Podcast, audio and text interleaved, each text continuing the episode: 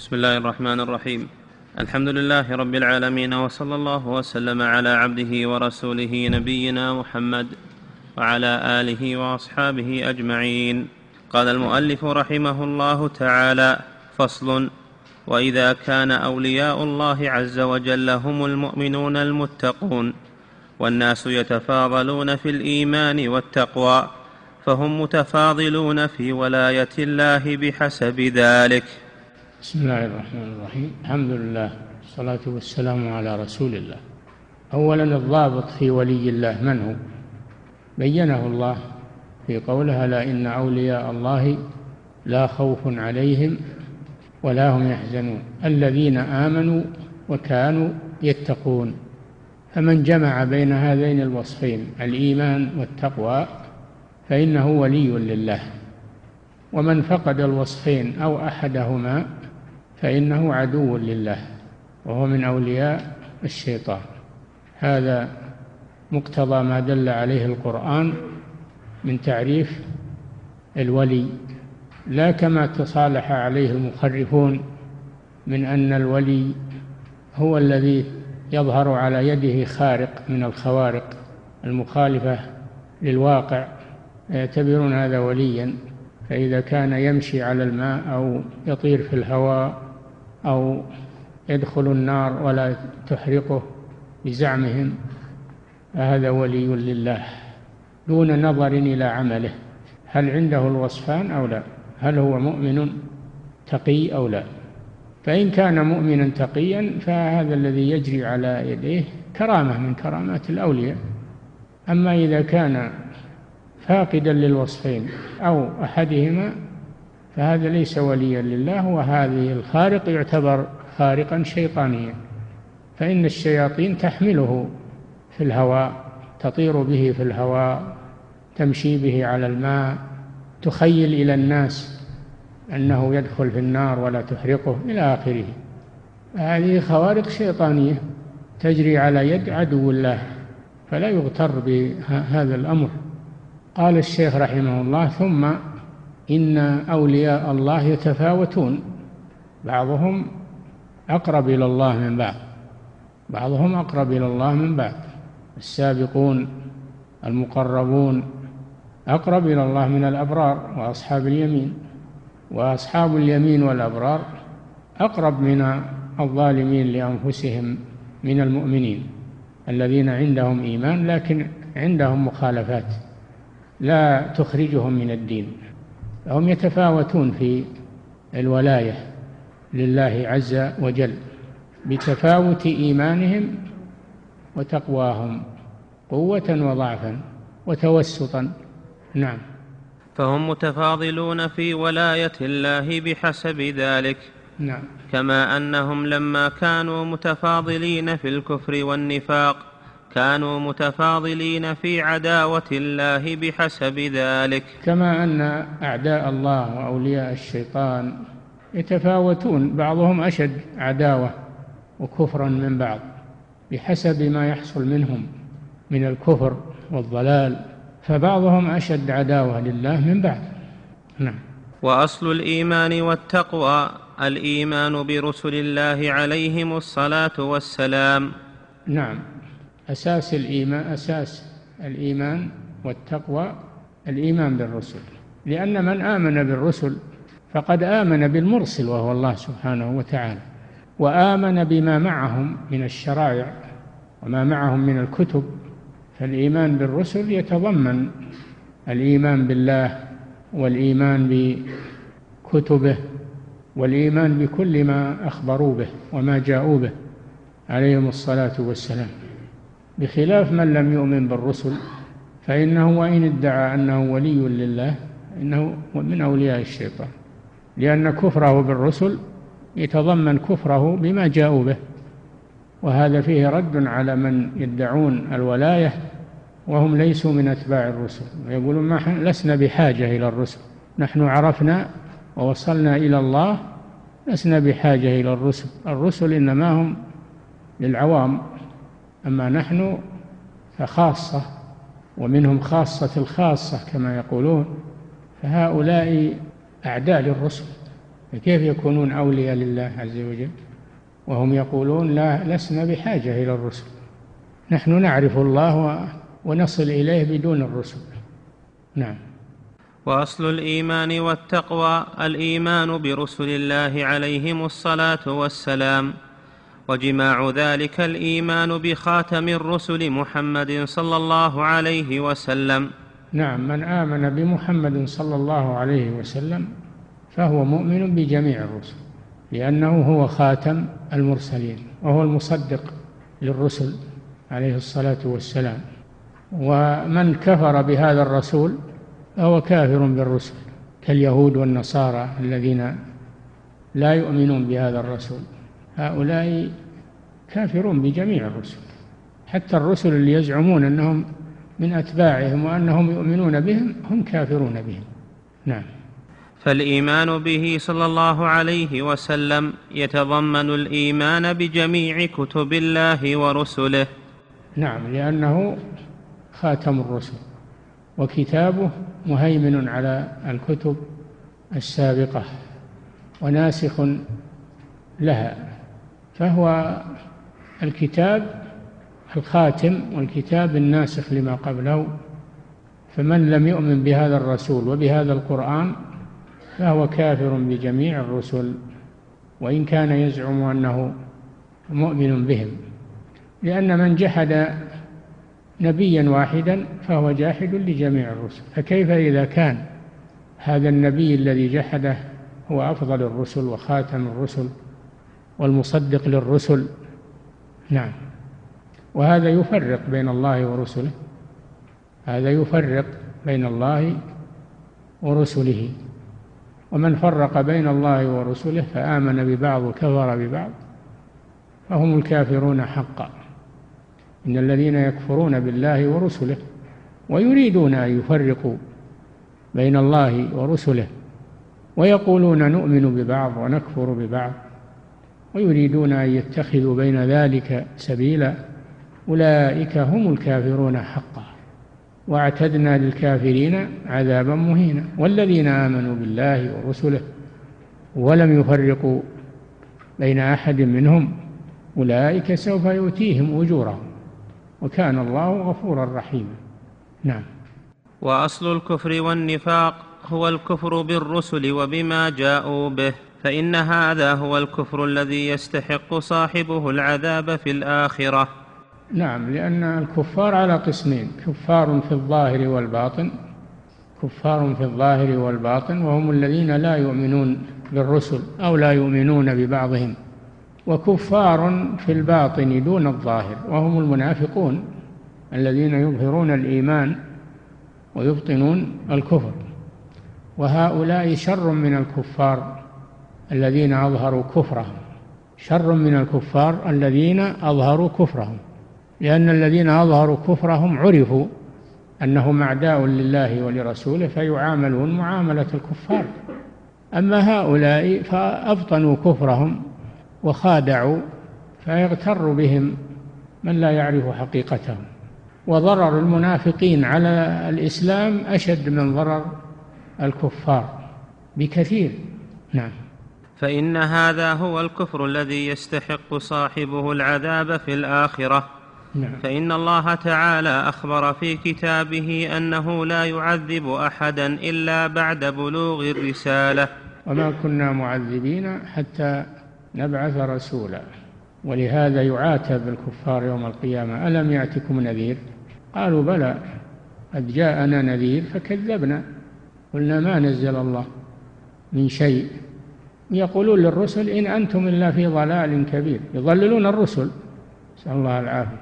ألم يأتكم رسل منكم يتلون عليكم آياتي وينذرونكم لقاء يومكم هذا؟ قالوا بلى ترهوا ولكن حقت كلمة العذاب على الكافرين. فهم يعترفون يوم القيامة بأنه بلغتهم الرسل وأنه ليس لهم عذر لأن الله لا يظلم أحدا.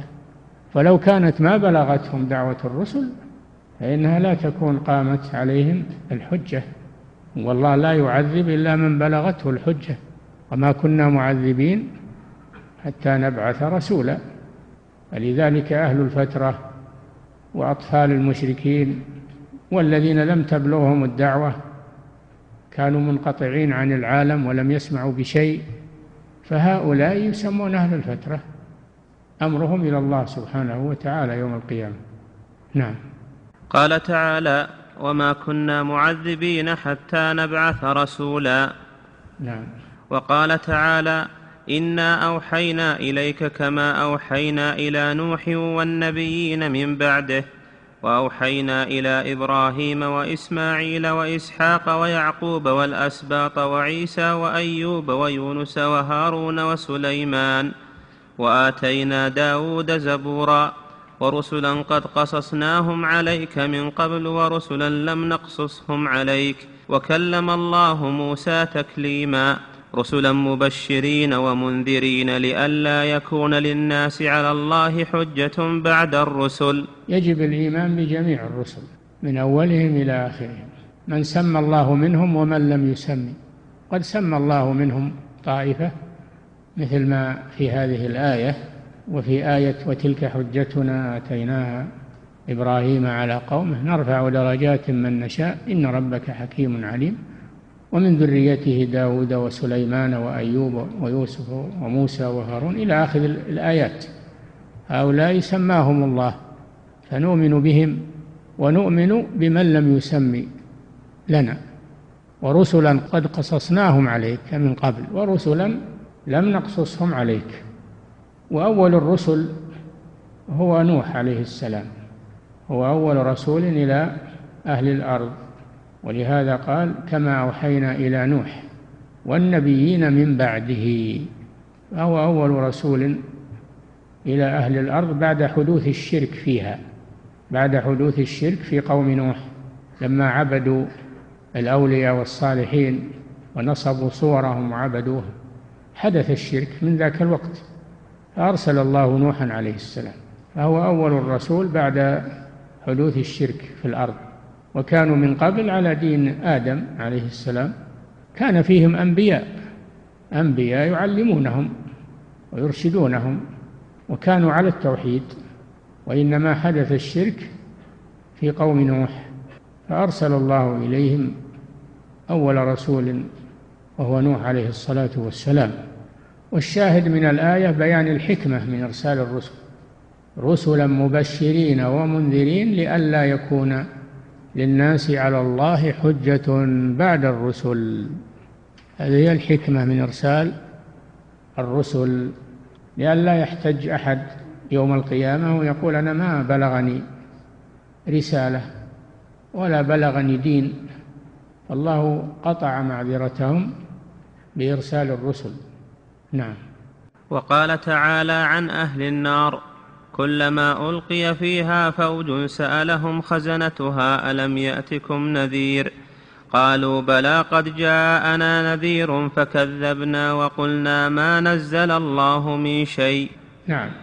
فهذا في أنهم يعترفون أنها قامت عليهم الحجة وأنهم جاءهم النذير بلغهم لكنهم كذبوا. قد جاءنا نذير فكذبنا. نعم. قالوا بلى قد جاءنا نذير فكذبنا وقلنا ما نزل الله من شيء. وجحدوا الوحي جحدوا الوحي من الله عز وجل.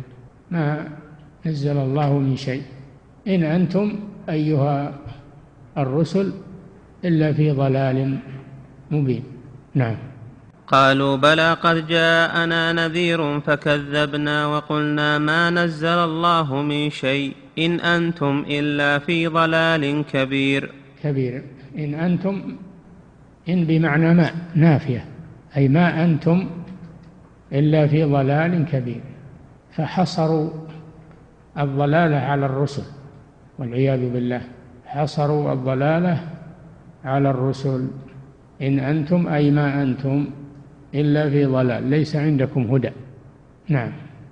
فأخبر أنه كلما ألقي في النار فوج أقروا بأنهم جاءهم النذير فكذبوه فدل ذلك على أنه لا يلقى فيها فوج إلا من كذب النذير. نعم. قد جاءنا نذير فكذبنا قلنا ما نزل الله من شيء إن أنتم إلا في ضلال كبير.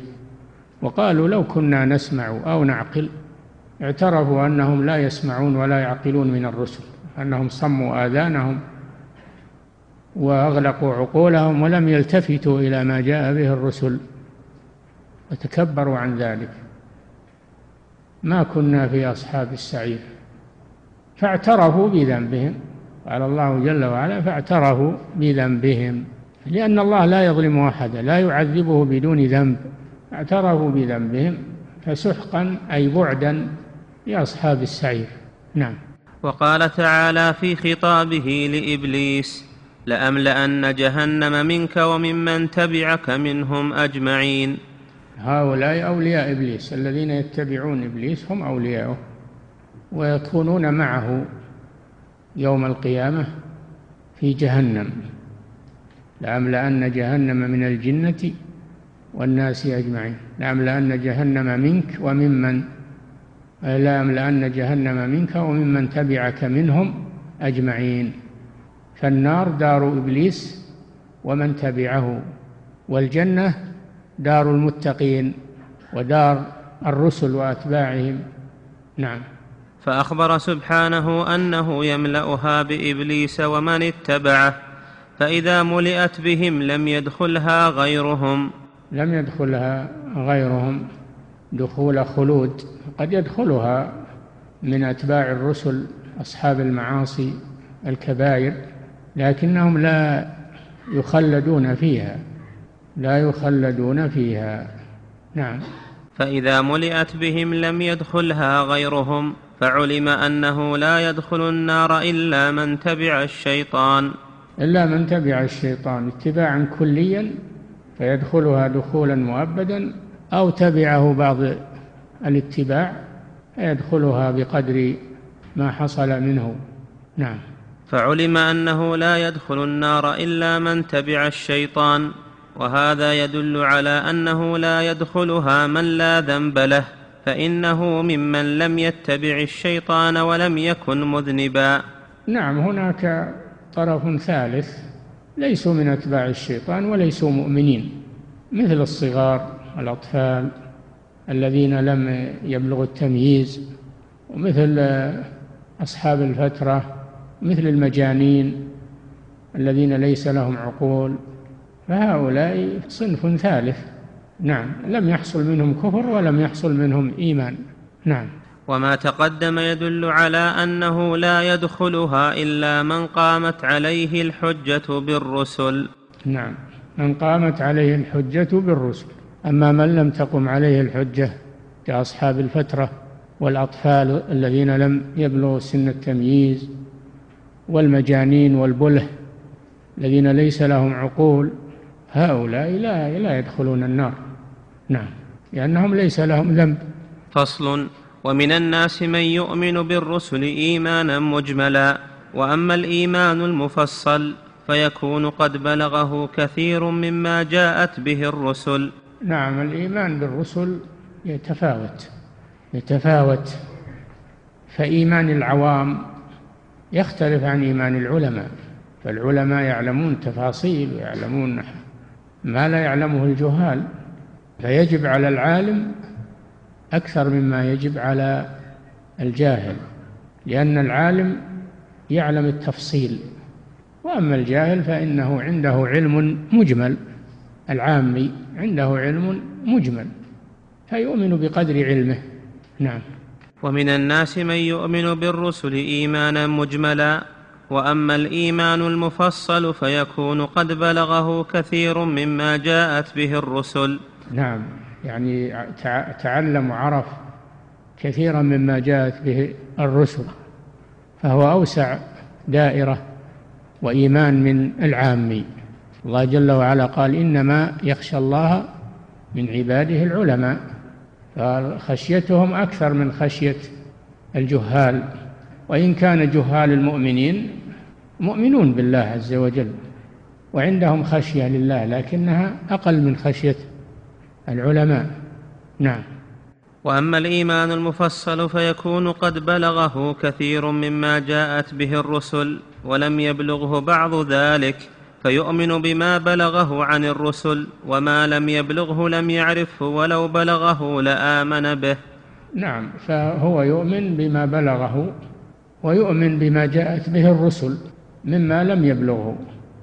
لأنه ما ما أحد يحيط بالعلم ما أحد يحيط بالعلم لكنه يؤمن بما بلغه إيمانا مفصلا ويؤمن بما لم يبلغه إيمانا مجملا. هكذا المؤمن. نعم. ولكن آمن بما جاءت به الرسل إيمانا مجملا. نعم. فهذا إذا عمل بما علم أن الله أمره به مع إيمانه وتقواه فهو من أولياء الله تعالى. نعم. إذا إذا عمل بعلمه مع الإخلاص لله فهو من أولياء الله. نعم. له من ولاية الله بحسب إيمانه وتقواه. كما سبق أن المؤمنين يتفاوتون في الولاية بعضهم أرفع من بعض. يرفع الله الذين آمنوا منكم والذين أوتوا العلم درجات. قل هل يستوي الذين يعلمون والذين لا يعلمون؟ إنما يتذكر أولو الألباب. نعم. وما لم تقم عليه الحجة فإن الله تعالى لم يكلفه معرفته والإيمان المفصل به. أي نعم. الذي لم تبلغه الحجة ولم تبلغه الرسالة فهذا لا يكلف أن يؤمن بشيء لم يبلغه ولم يعرفه. هذا يعذر بجهله لكنه في من لا يمكن زوال جهله. لم يسمع شيئا ولا عنده أحد يبلغه وعاش منقطعا عن العالم. نعم. وما لم تقم عليه الحجة فإن الله تعالى لم يكلفه معرفته والإيمان المفصل به فلا يعذبه على تركه لكن يفوته من كمال ولاية الله بحسب ما فاته من ذلك. وكذلك العوام اللي بلغ بلغهم الإسلام وبلغ لكن لا يعرفون التفاصيل التي يعرفها العلماء. فالعلماء الذين يعملون بعلمهم ويخلصون لله أرفع درجة من العوام الذين لا يعلمون التفاصيل. نعم.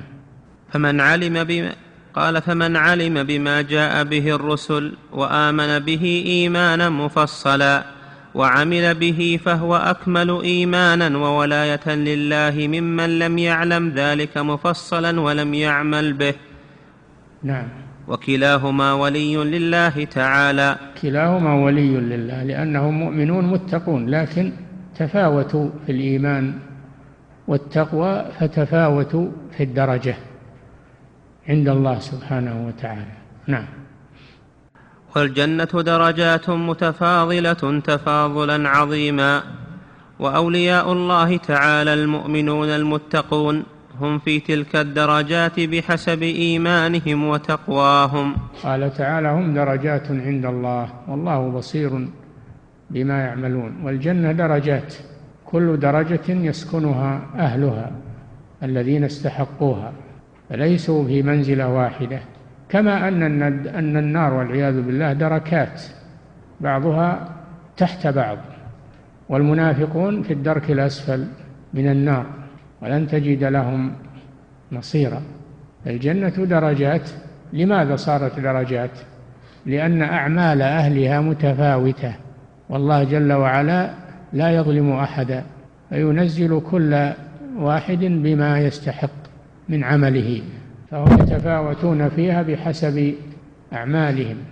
نعم. قال تبارك وتعالى من كان يريد العاجلة عجلنا له فيها ما نشاء لمن نريد. ثم جعلنا له جهنم يصلاها مذموما مدحورا. ومن أراد الآخرة وسعى لها سعيها وهو مؤمن. فأولئك كان سعيهم مشكورا. كلا نمد هؤلاء وهؤلاء من عطاء ربك. وما كان عطاء ربك محظورا. انظر كيف فضلنا بعضهم على بعض وللآخرة أكبر درجات وأكبر تفضيلا. الله فاوت بين العباد في الدنيا فاوت بين العباد في الدنيا في الأرزاق والإمكانيات والفقر والغنى إلى آخره. كلا نمد هؤلاء وهؤلاء من عطاء ربك وما كان عطاء ربك محظورا. لا أحد يمنع عطاء الله سبحانه وتعالى لا مانع لما أعطى ولا معطي لما منع فهو يعطي الناس في الدنيا ويفاوت بينهم وإن كانوا كفارا فإذا كان لا يريد إلا الدنيا فإن الله يعطيه من الدنيا ما ما يريد سبحانه وتعالى من كان يريد الحياة الدنيا وزينتها نوفي إليهم أعمالهم فيها وهم فيها لا يبخسون يعطيهم ولذلك تجد عند الكفار من من العلوم الدنيوية ومن الإمكانيات ومن المقدرات ما ليس عند المؤمنين لأن المؤمنين على العكس يريدون الآخرة ولا يريدون الدنيا إلا بقدر ما يبلغهم للآخرة. أما هؤلاء فيريدون الدنيا لذاتها ولا يريدون الآخرة فلذلك وإن وفرت لهم الدنيا فإنهم يحرمون يوم القيامة من الجنة. أولئك الذين ليس لهم في الآخرة إلا النار وحبط ما صنعوا فيها وباطل ما كانوا يعملون. الله أعطاهم من الدنيا ووفر لهم ووفى لهم مطلوبهم لكن لما لم يريدوا الآخرة لم يكن لهم فيها نصيب والعياذ بالله. وماذا تنفعهم الدنيا؟ ماذا تنفعهم الدنيا؟ أما من أراد الآخرة وسعى لها سعيها. أرادها وسعى. ما بس أرادها ولم يسعى هذا ما يكفي الإرادة. لا بد من السعي بالعمل الصالح وهو مؤمن. شرطين سعى لها سعيها وهو مؤمن. مصدق بما عند الله عز وجل مصدق بالآخرة والجزاء والجنة والنار. فأولئك كان سعيهم مشكورا. يشكر الله لهم ذلك سبحانه وتعالى لأن الله غفور شكور يشكر لهم ولا يضيع أعمالهم فأولئك كان سعيهم مشكورا.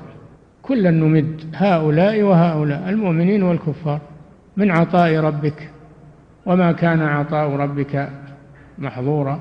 ثم قال انظر كيف فضلنا بعضهم على بعض في الدنيا. وللآخرة أكبر درجات وأكبر تفضيلا. نعم.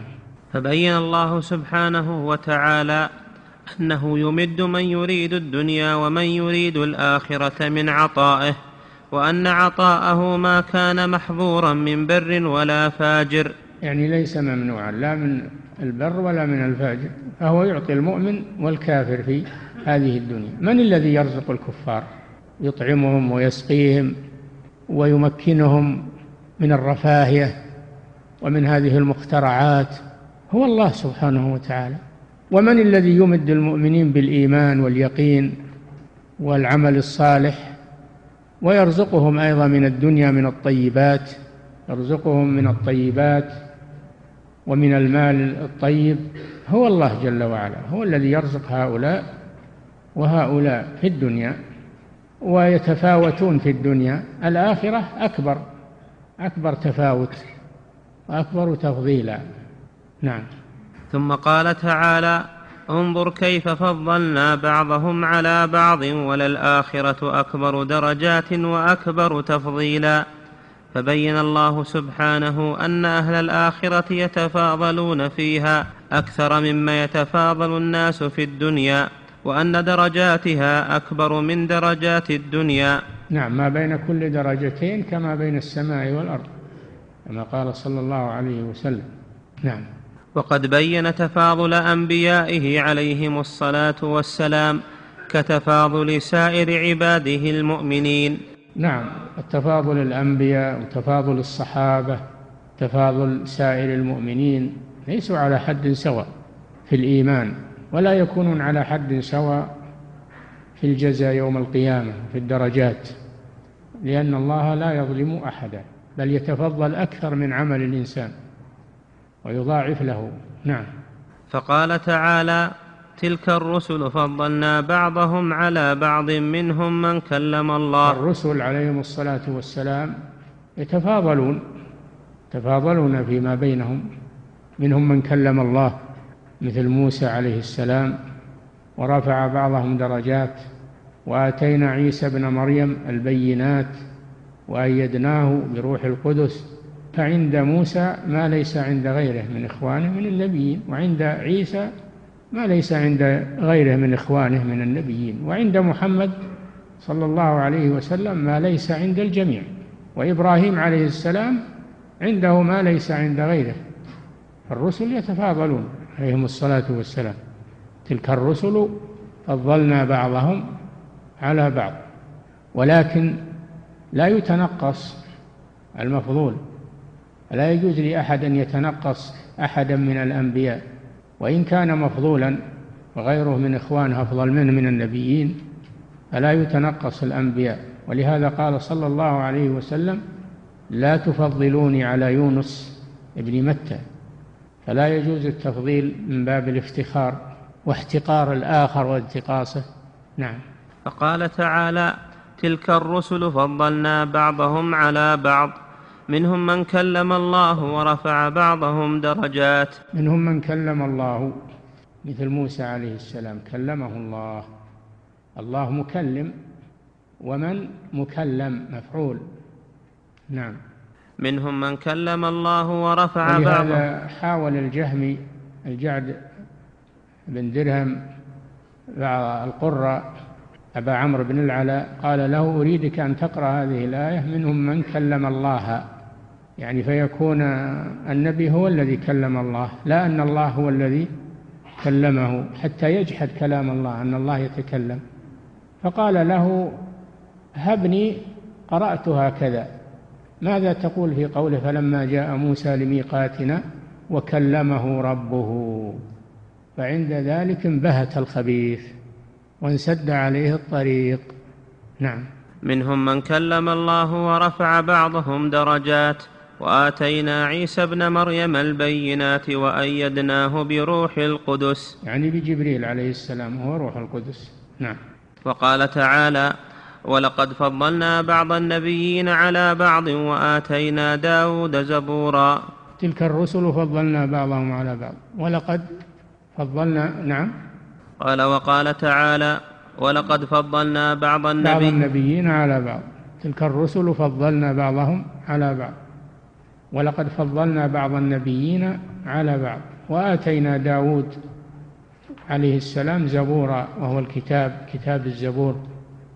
الذي يترنم به. نعم. وفي صحيح مسلم عن أبي هريرة رضي الله عنه عن النبي صلى الله عليه وسلم أنه قال إذا ترنم داود بالزبور خشعت الجبال والطيور صرنا يرددن معه يرجعن معه في حسن صوته عليه الصلاة والسلام.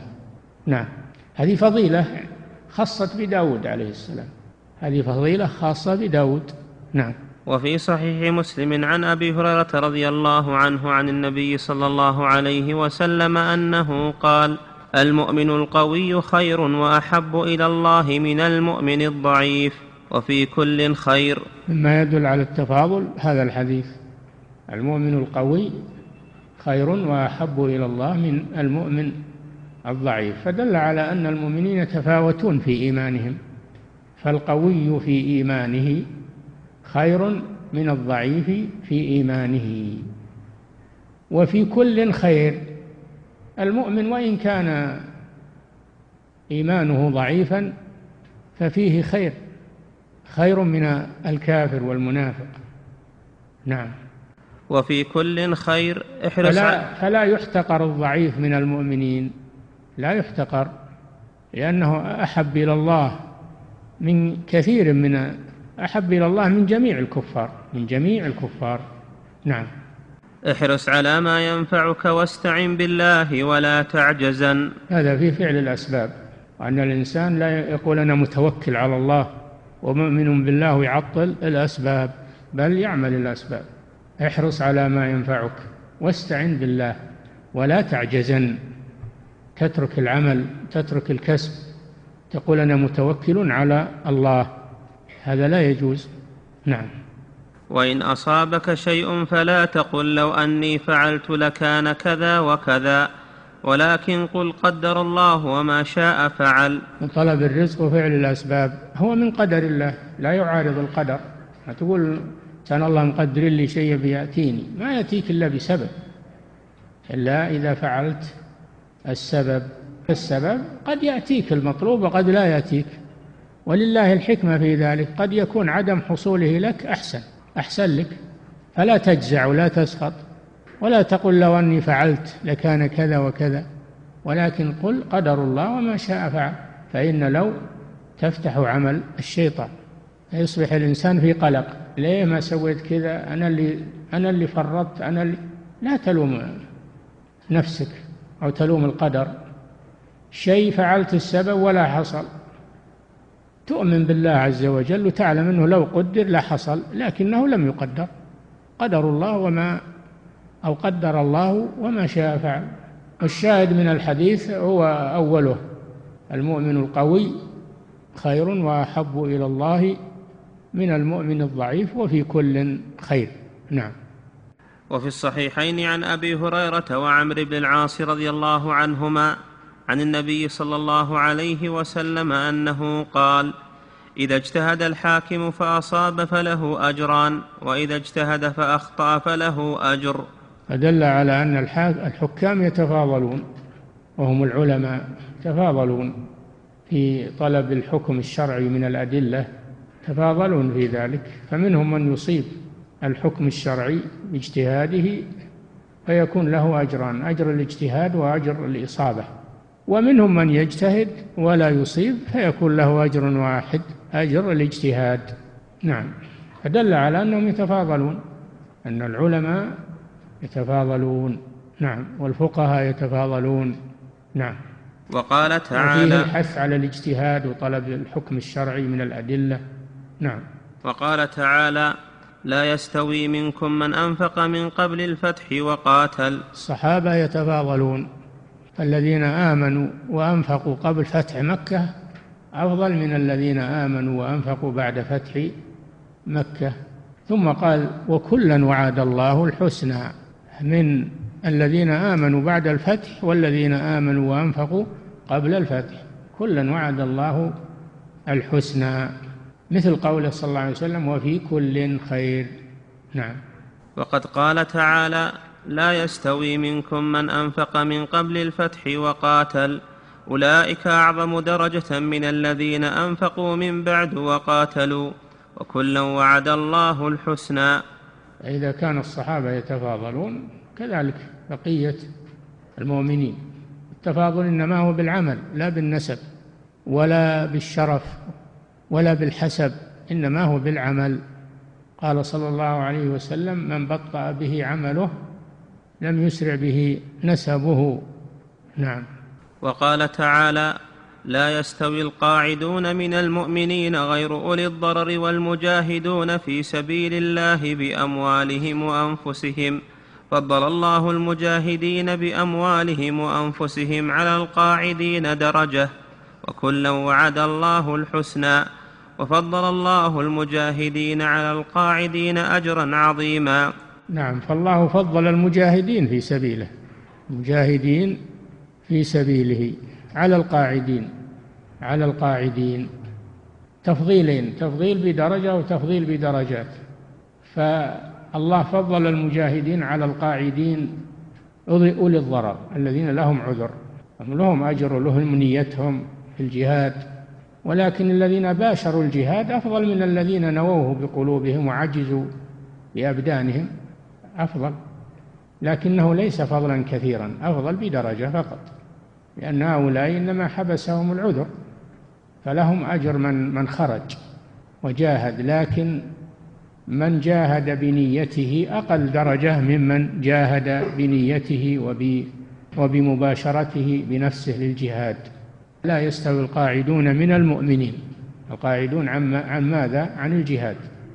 لا يستوي القاعدون من المؤمنين غير أولي الضرر الذين لهم عذر والمجاهدون في سبيل الله. فضل الله المجاهدين بأموالهم وأنفسهم على القاعدين درجة وكلا وعد الله الحسنى. الله لا يقنط أحدا ولا يؤيس أحدا كلا وعد الله الحسنى. فضل الله المجاهدين بأموالهم وأنفسهم على القاعدين درجة وكلا وعد الله الحسنى. وفضل الله المجاهدين على القاعدين الذين ليس لهم عذر وهذا في الجهاد الذي هو فرض كفاية. هذا في الجهاد الذي هو فرض كفاية لأن الجهاد على قسمين فرض عين إذا حاصر العدو البلد وفرض كفاية وهو جهاد الطلب. جهاد على نوعين جهاد دفاع وجهاد طلب. فجهاد الدفاع هذا فرض عين على كل من يقدر عليه. وأما جهاد الطلب فهذا فرض كفاية. إذا قام به من يكفي سقط الإثم عن الباقين. لكن الذي قام به يرفعه الله درجات على الذي لم يقم به. وفضل الله المجاهدين على القاعدين أجرا عظيما درجات منه ومغفرة ورحمة. وكان الله غفورا رحيما. هذا دليل على أن المجاهدين في سبيل الله يتفاوتون. فمن قعد لعذر فالمجاهد بنفسه والمباشر أفضل منه بدرجة. ومن قعد من غير عذر جاز له ذلك ولكن يفضل عليه الذي جاهد بدرجات كثيرة. لا يعلمها إلا الله سبحانه وتعالى لأنه لم يحددها. نعم.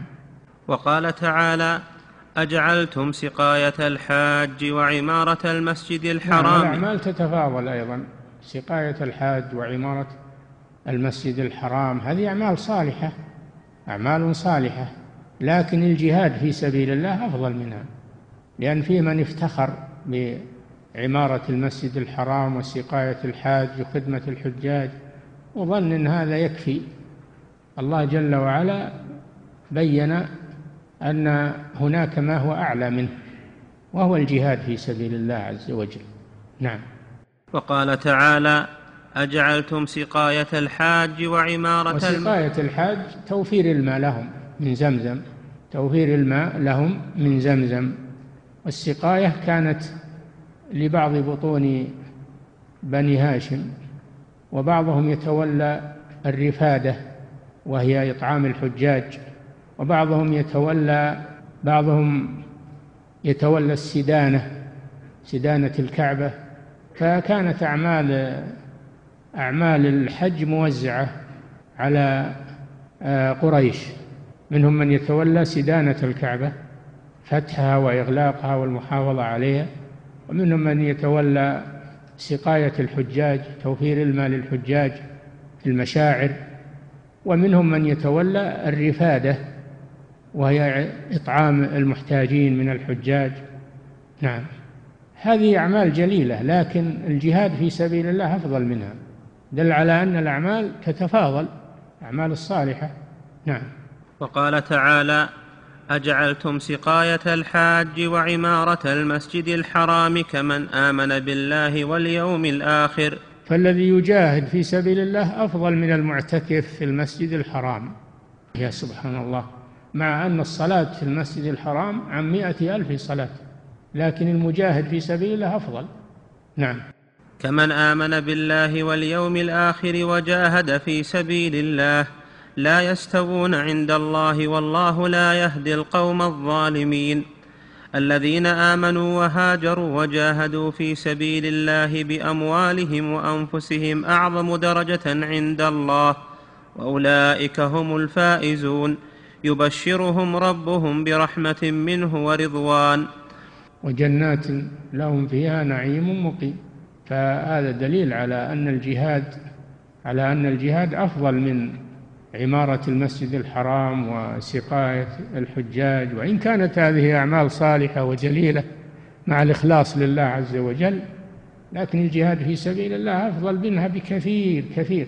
نعم. يبشرهم ربهم برحمة منه ورضوان وجنات لهم فيها نعيم مقيم. خالدين فيها أبدا إن الله عنده أجر عظيم. نعم هذا للمجاهدين. نعم.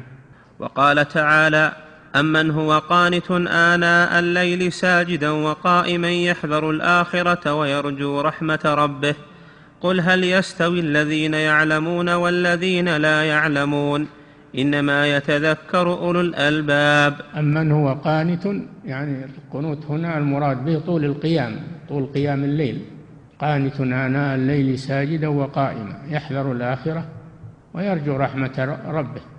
هل يستوي هو والمؤمن النايم؟ لا يستوي. أمن هو قانت آناء الليل؟ ساعات يعني ساعات الليل ساجدا وقائما يحذر الآخرة ويرجو رحمة ربه. ثم قال قل هل يستوي الذين يعلمون والذين لا يعلمون؟ هذا دليل على أن العلماء أفضل من العوام من المؤمنين. نعم. وقال تعالى يرفع الله الذين آمنوا منكم والذين أوتوا العلم درجات. يا أيها الذين آمنوا إذا قيل لكم تفسحوا في المجالس فافسحوا يعني مجالس الذكر حلق الذكر لأنه قد يأتي من يريد الاستماع ولا يجد مكانا. الله أمرهم أن يتفسحوا له يفسحون له مكان ويمكنوه من حضور العلم.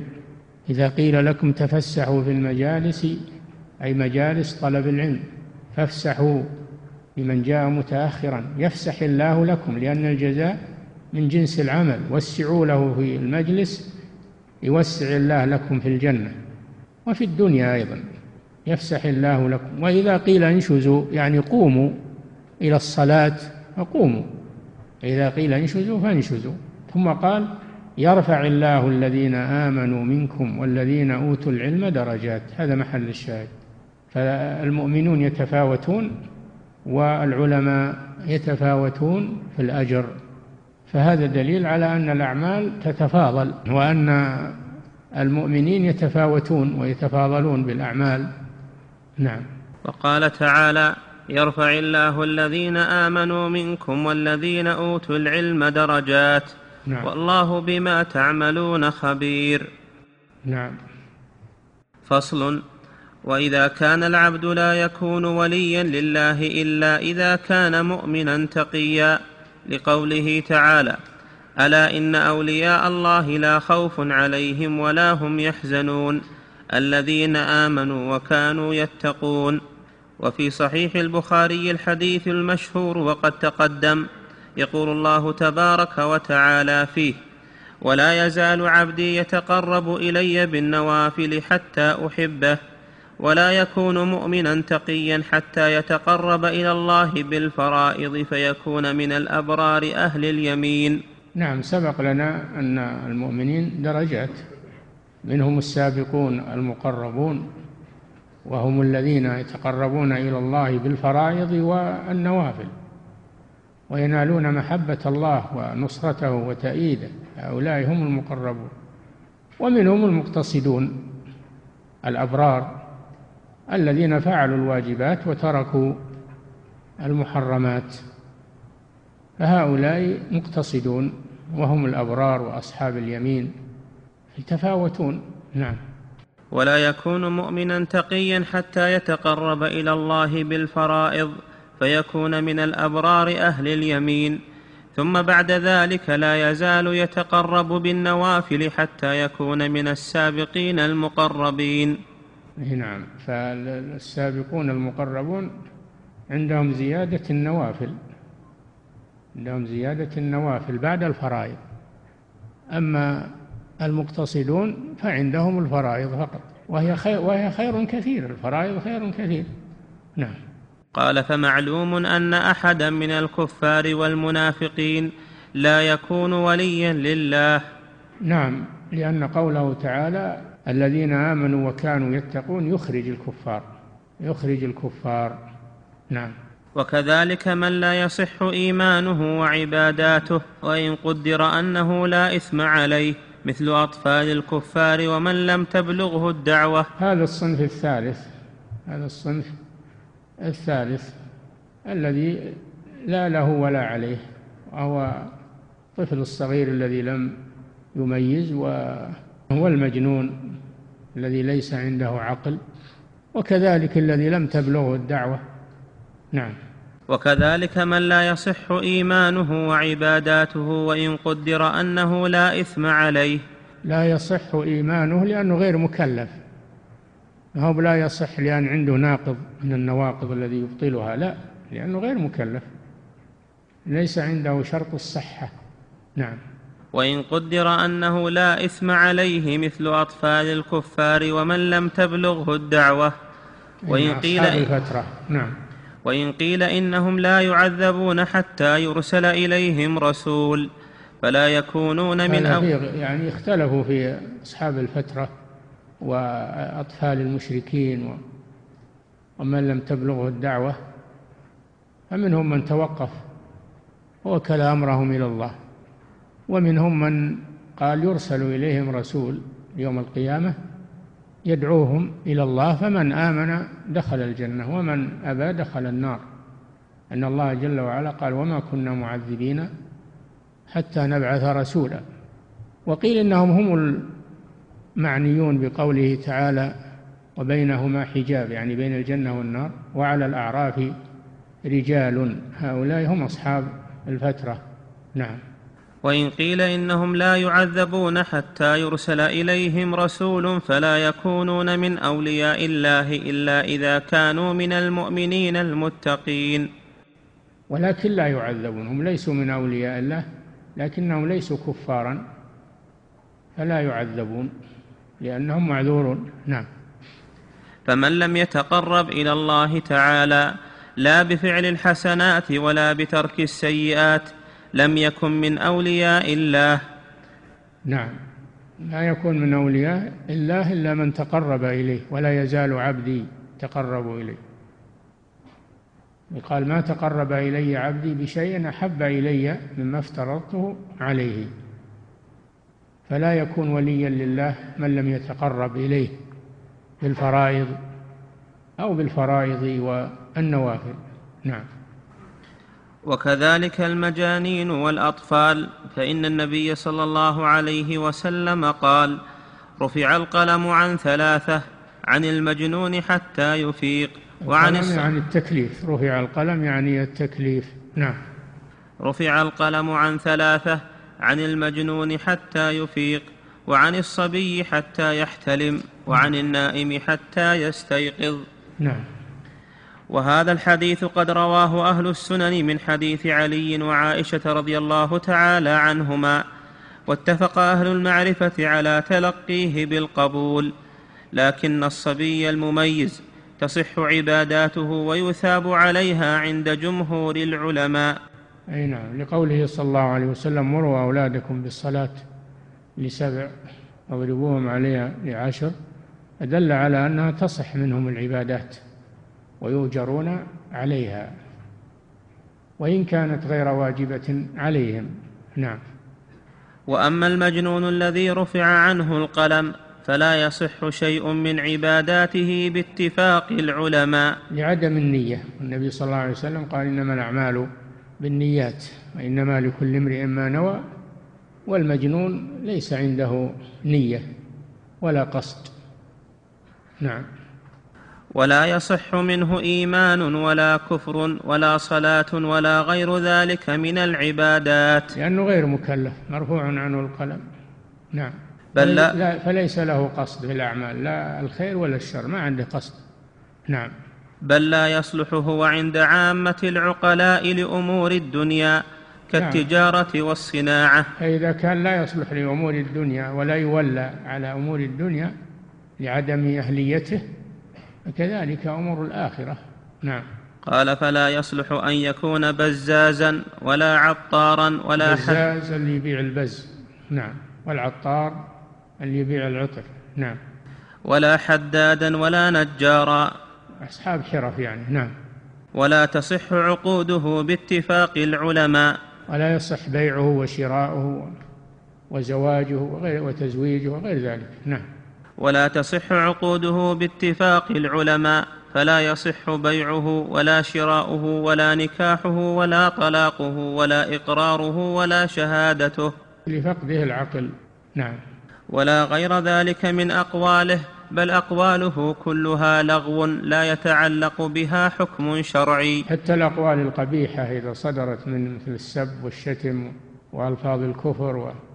لا لا لا يؤاخذ عليها لأنه ليس له قصد. نعم. بل أقواله كلها لغو لا يتعلق بها حكم شرعي ولا ثواب ولا عقاب. هذا من رحمة الله عز وجل وعدله سبحانه وتعالى.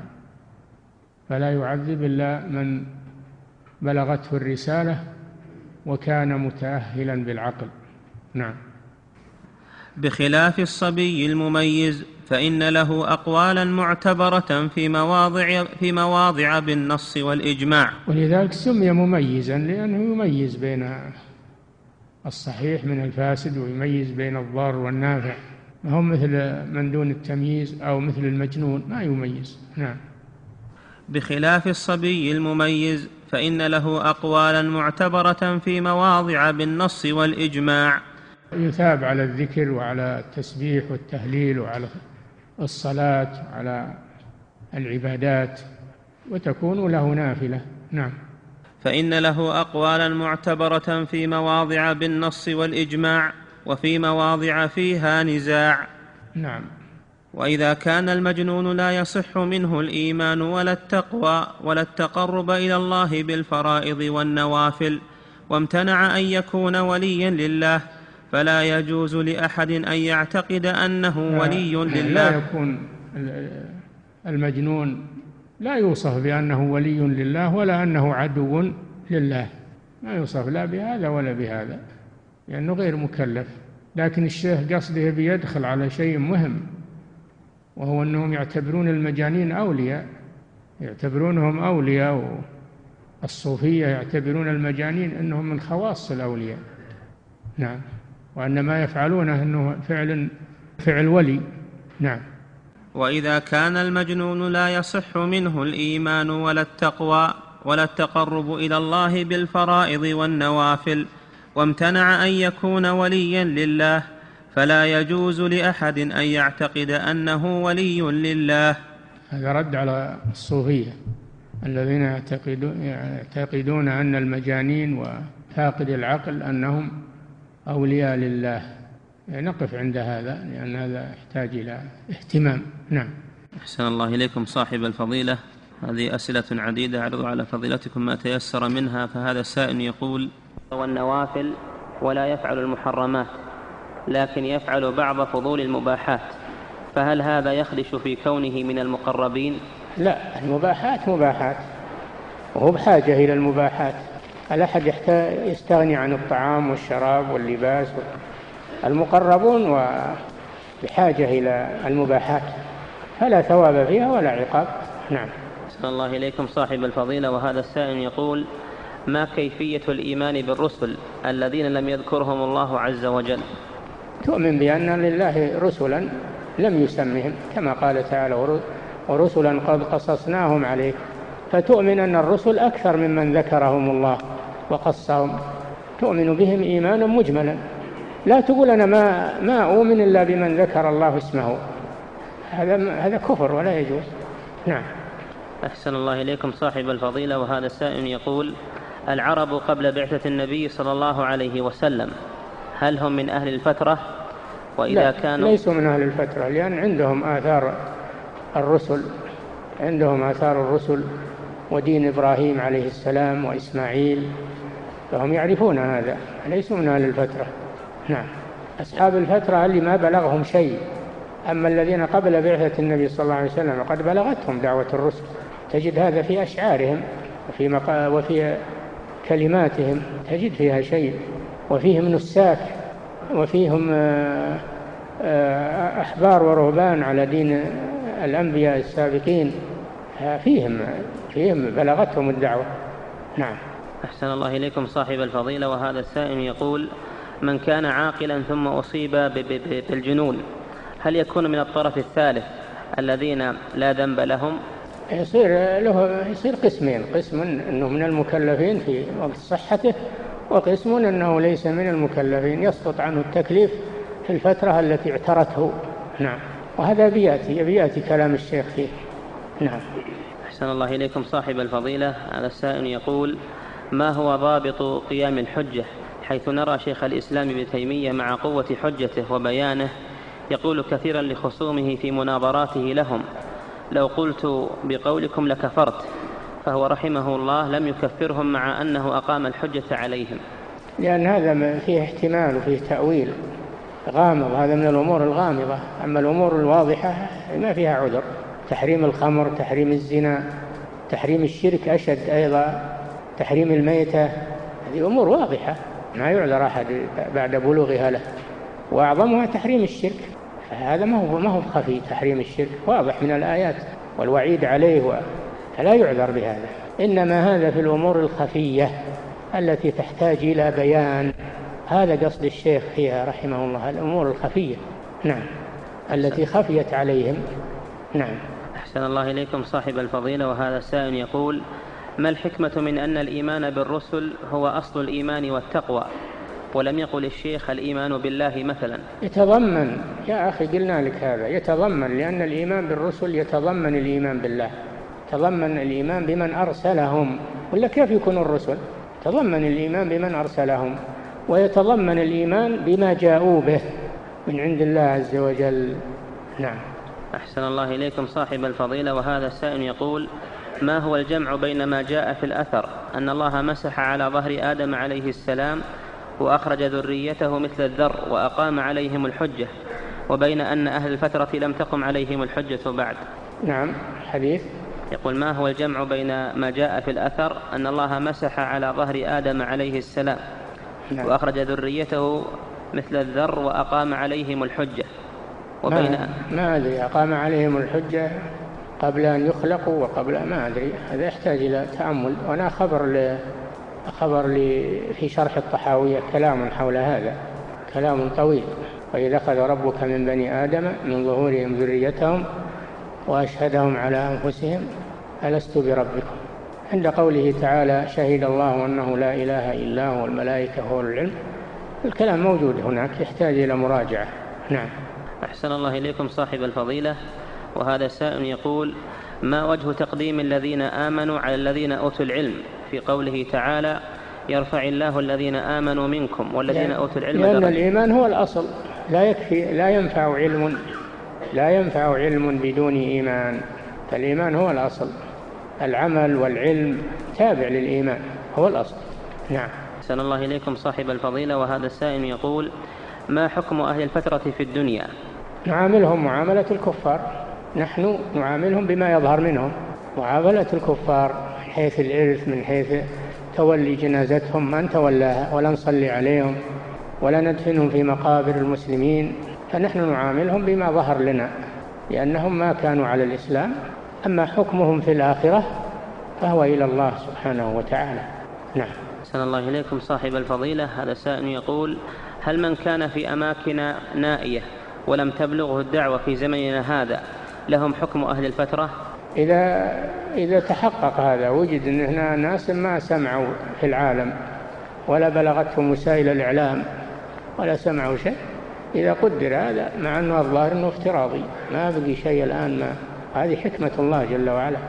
ما بقي شيء ما بلغته دعوة الرسول صلى الله عليه وسلم وما بلغه القرآن. نعم. أحسن الله إليكم صاحب الفضيلة. هذا السائل يقول هل التعدد في الزوجات بهدف الاستمتاع بهن يناقض الزهد ويقلل من مرتبة المؤمن في الجنة؟ يا أخي الزهد ما هو بترك المباحات ما هو بترك المباحات. الزهد في ترك المحرمات والمكروهات وما لا تحتاج إليه. الزوجات تحتاج لهن. فيها أحد عابد وناسك ولا تكفيه زوجة واحدة. يبي أربع زوجات. هذا أباحه الله له ولا ينقص من من زهده. فما هو الزهد أنك تترك ما تحتاج إليه من المباحات؟ لاحظوا هذا. ليس الزهد أن تترك ما تحتاج إليه من المباحات إنما الزهد في ترك ما لا تحتاج إليه. نعم.